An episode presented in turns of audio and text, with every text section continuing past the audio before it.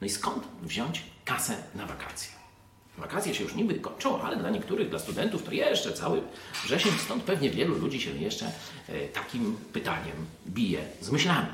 I oto media pokazują pewien pomysł. Jedna para, a ja słyszałem też u mojego znajomego podobną sytuację, wymyśliła sobie, że każdego piątaka, czyli monetę metalową pięciozłotową, kiedy tylko im w budżecie gdzieś się pojawi, gdzieś wydanie w sklepie, w autobusie czy gdzieś tam, to będą wrzucać do słoika i do świnki. Tak zrobili, przez trzy lata zebrali 15 tysięcy. Oczywiście nawet w mediach o tym napisali. Jaki stąd morał? Zobaczcie, 5 zł, 15, bo to tam kilka tych przecież piątek może być jednego dnia, no to tam człowiek jakoś da radę, przeżyje, nie zauważy tego jednego dnia, ale jednak oszczędził. Czyli zobaczcie, nie wielka rzecz, że tam 3000 dziennie to zarobimy, oszczędzimy. Każdego dnia po trochu, ale konsekwentnie. Na tym polega protestancka mentalność. Oby Polacy to wreszcie docenili.